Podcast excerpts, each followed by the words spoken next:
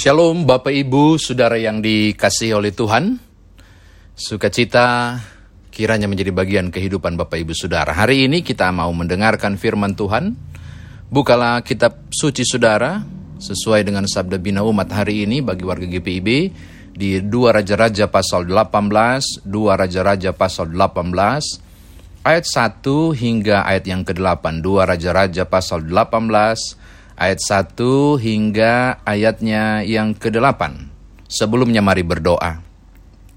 Engkaulah ya Allah, Bapa dalam Kristus Yesus sumber kekuatan, sukacita dan damai sejahtera kami bersyukur hari ini.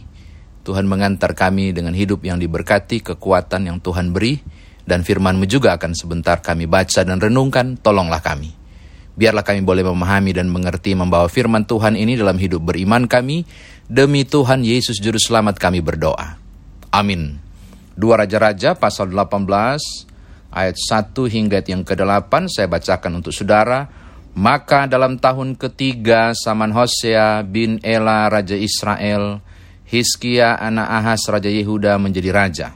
Ia berumur 25 tahun pada waktu ia menjadi raja dan 29 tahun lamanya ia memerintah di Yerusalem.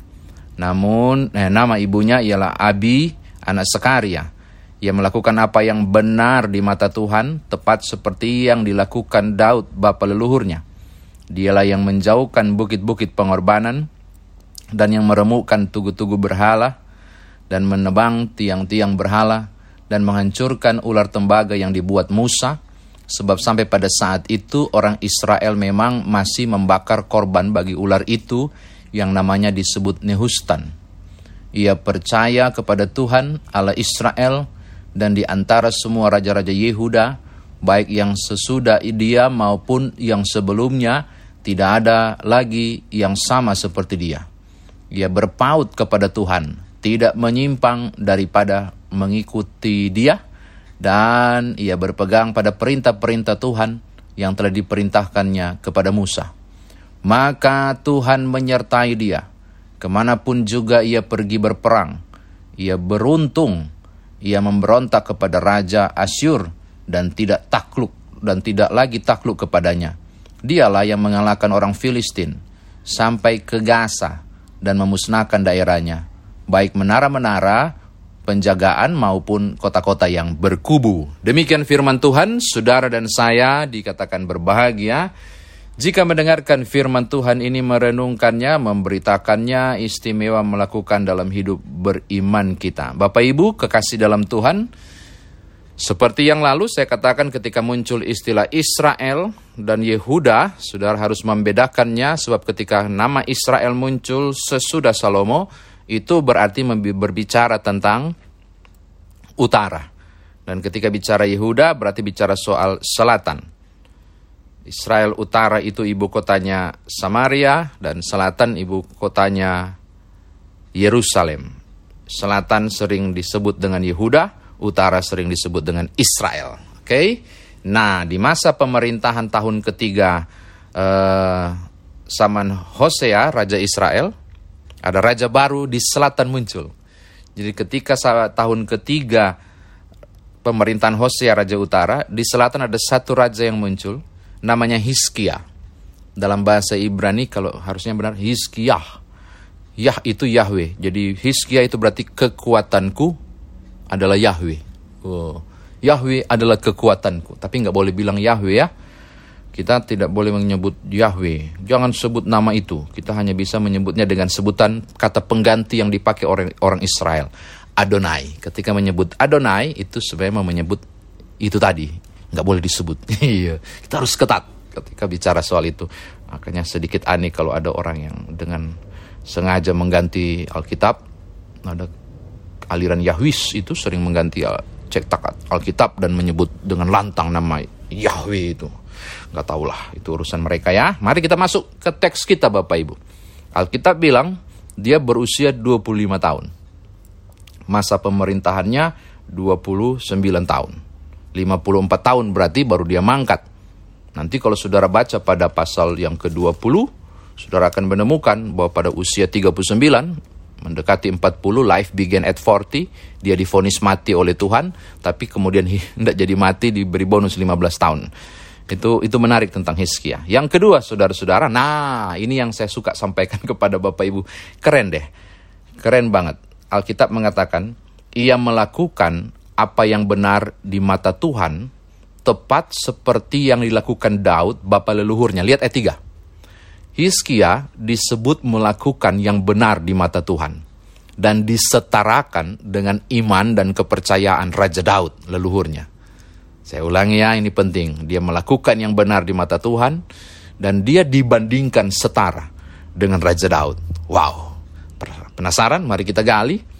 Kenapa dia disebut melakukan apa yang benar? Lihat ya, ayat 4 hingga ayat yang ke-6 semua bukit-bukit pengorbanan untuk berhala dihalaunya.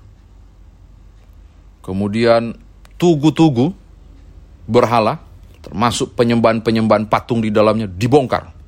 Dia kasih remuk, ayat 4 bilang.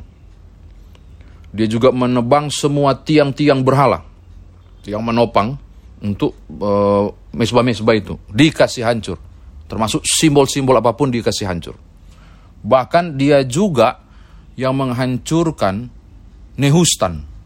Nehustan itu ular tembaga yang masih disembah oleh orang Israel waktu dibuat oleh Musa di padang gurun. Berapa ratus tahun jaraknya itu.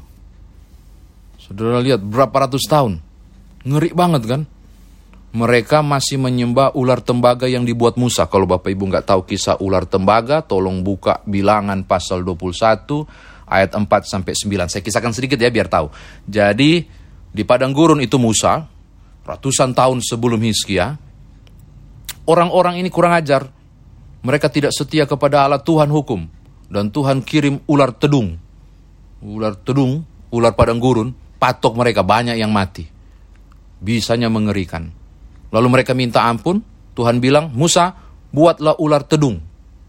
Buat ular tedung, Musa berarti menafsirkan, oh berarti buatan, bukan asli. Jadi dia buatlah dari tembaga ular tedung dan ditaruh di tiang. Nah tiap orang, tiap orang yang digigit ular tedung asli, ketika dia memandang ular tembaga itu, dia sembuh. Ini simbol ya, ini simbol. Simbol memandang Allah. Ceritanya begitu, simbol simbol. Ya ampun dari turun temurun sampai mereka masuk Kanaan lolos dari Mesir, masuk ke Kanaan generasi ke generasi terus menerus nyembah itu ular itu. Sudah lihat fokusnya tidak lagi kepada Tuhan tapi pada simbol itu. Ini silah ke-12. Mereka masih bakar sesajen membawa persembahan ke ular tedung, bukan ke Tuhan. Kayak ini kacau kan? Ini kekeliruan besar yang dilakukan. Oh, dihancurkan. Tidak ada orang yang berani hancurkan itu. Hizkia hancurkan. Hancurkan itu. Itu ada di ayat yang keempat. Ayat yang kelima, ia percaya kepada Tuhan Allah Israel. Bahkan Alkitab berkata, ini menarik perhatian saya. Di antara raja-raja, di antara raja-raja, Yehuda, sebelum dan sesudah dia, tidak ada yang punya iman seperti Hizkia Makanya dia disetarakan dengan Daud. Jadi saudara melihat apa arti kata melakukan yang benar. Melakukan yang benar berarti dia percaya sungguh-sungguh kepada Allah dan dia bertindak. Saya mau ulangi ya. Melakukan yang benar berarti melakukan yang benar berarti imannya sungguh kepada Allah satu dan iman itu diejawantakan dengan perbuatan iman. Jadi iman dan perbuatan iman setara. Imannya kepada Allah, perbuatannya setara. Nyembahnya hanya kepada Allah, Allah dan menghancurkan semua Allah-Allah lain. Baal ya. Jangan cuma bilang lip service, Tuhan aku percaya kepadamu.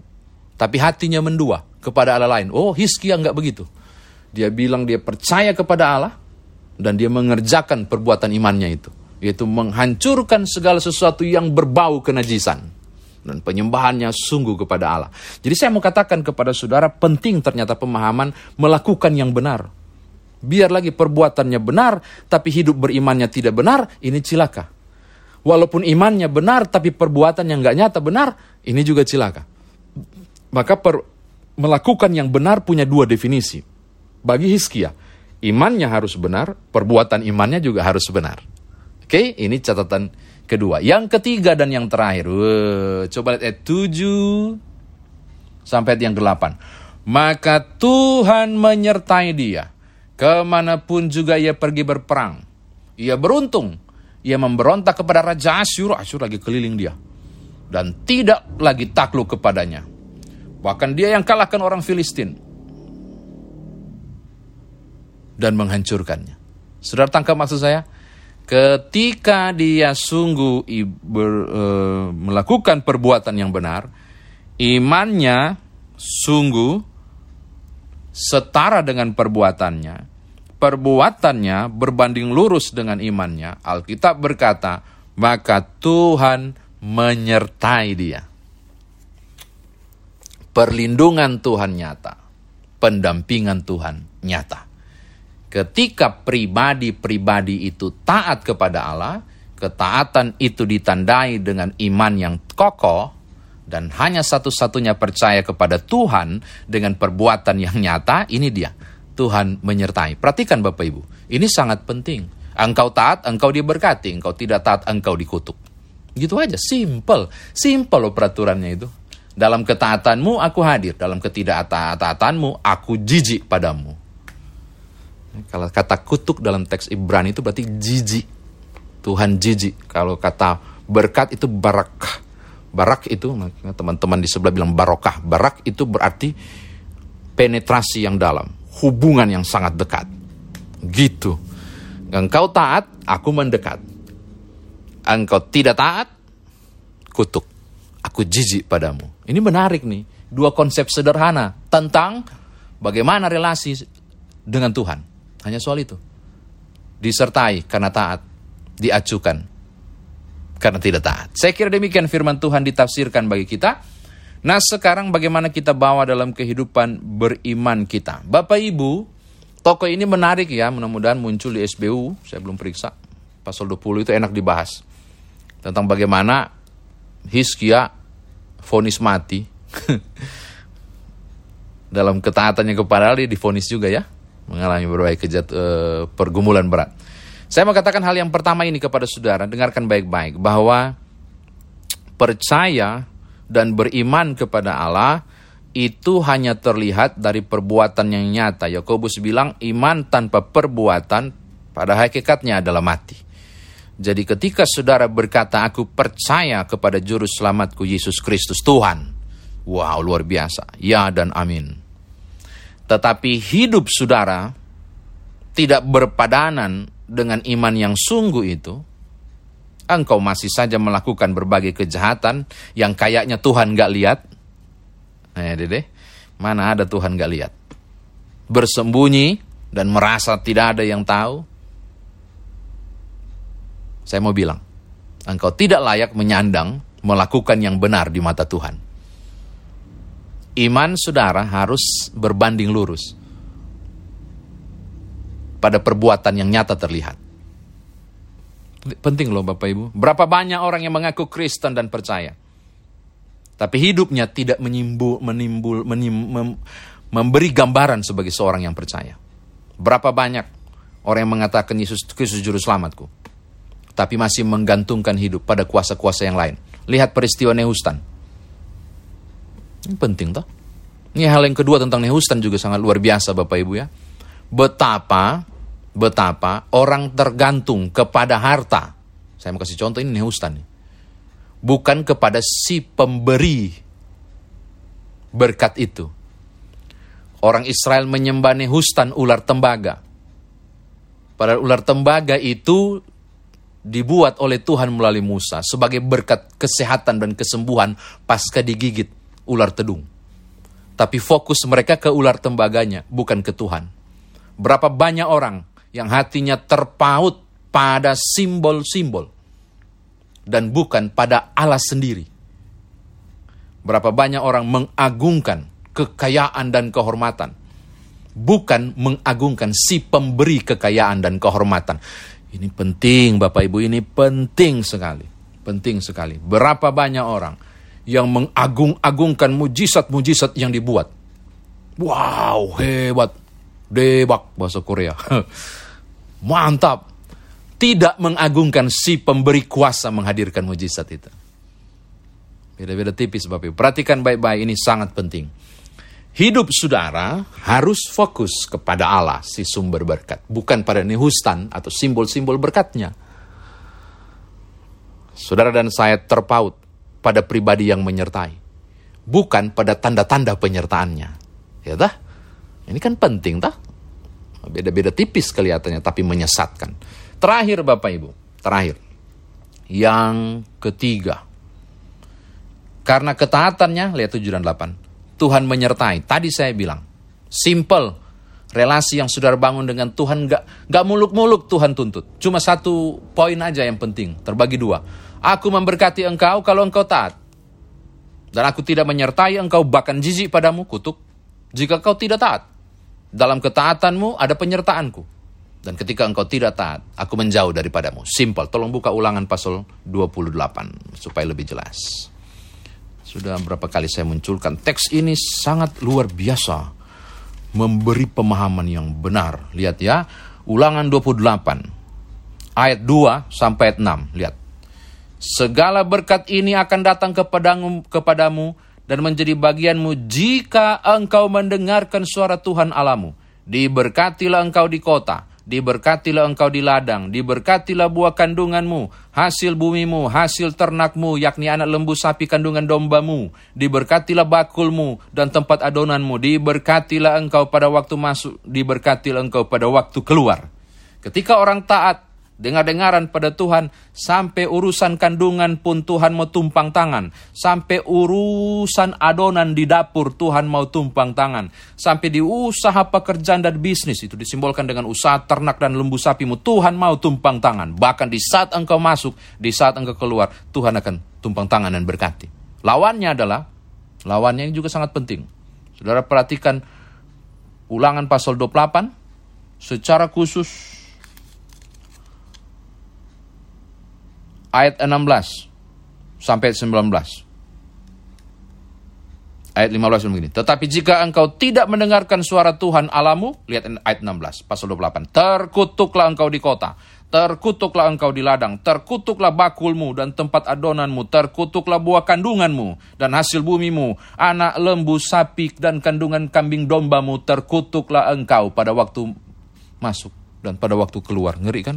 Simple. Simpel Bapak Ibu, saudara mau saudara mau bergaul dengan Tuhan dengan akrab, dua metode ini sangat sederhana dan Tuhan tidak nuntut neko-neko. Ketika engkau diberkati, ingin diberkati, hiduplah dalam ketaatan. Totalitas, totalitas. Ketika engkau ingin sungguh-sungguh diberkati. Tapi jika tidak, maka Allah merasa jijik. Bahasa Ibrani terkutuk. Menjauh daripada saudara. Dua opsi ini ada pada pilihan saudara. Pilihlah yang tepat. Mau diberkati atau dikutuk? Kalau diberkati, hiduplah dalam ketaatan. Jika tidak, selamat. Saudara dalam ketidaktaatan akan mengalami hal yang mengerikan. Belajar pada Hizkia, kiranya menjadi berkat. Tuhan Yesus memberkati saudara. Amin.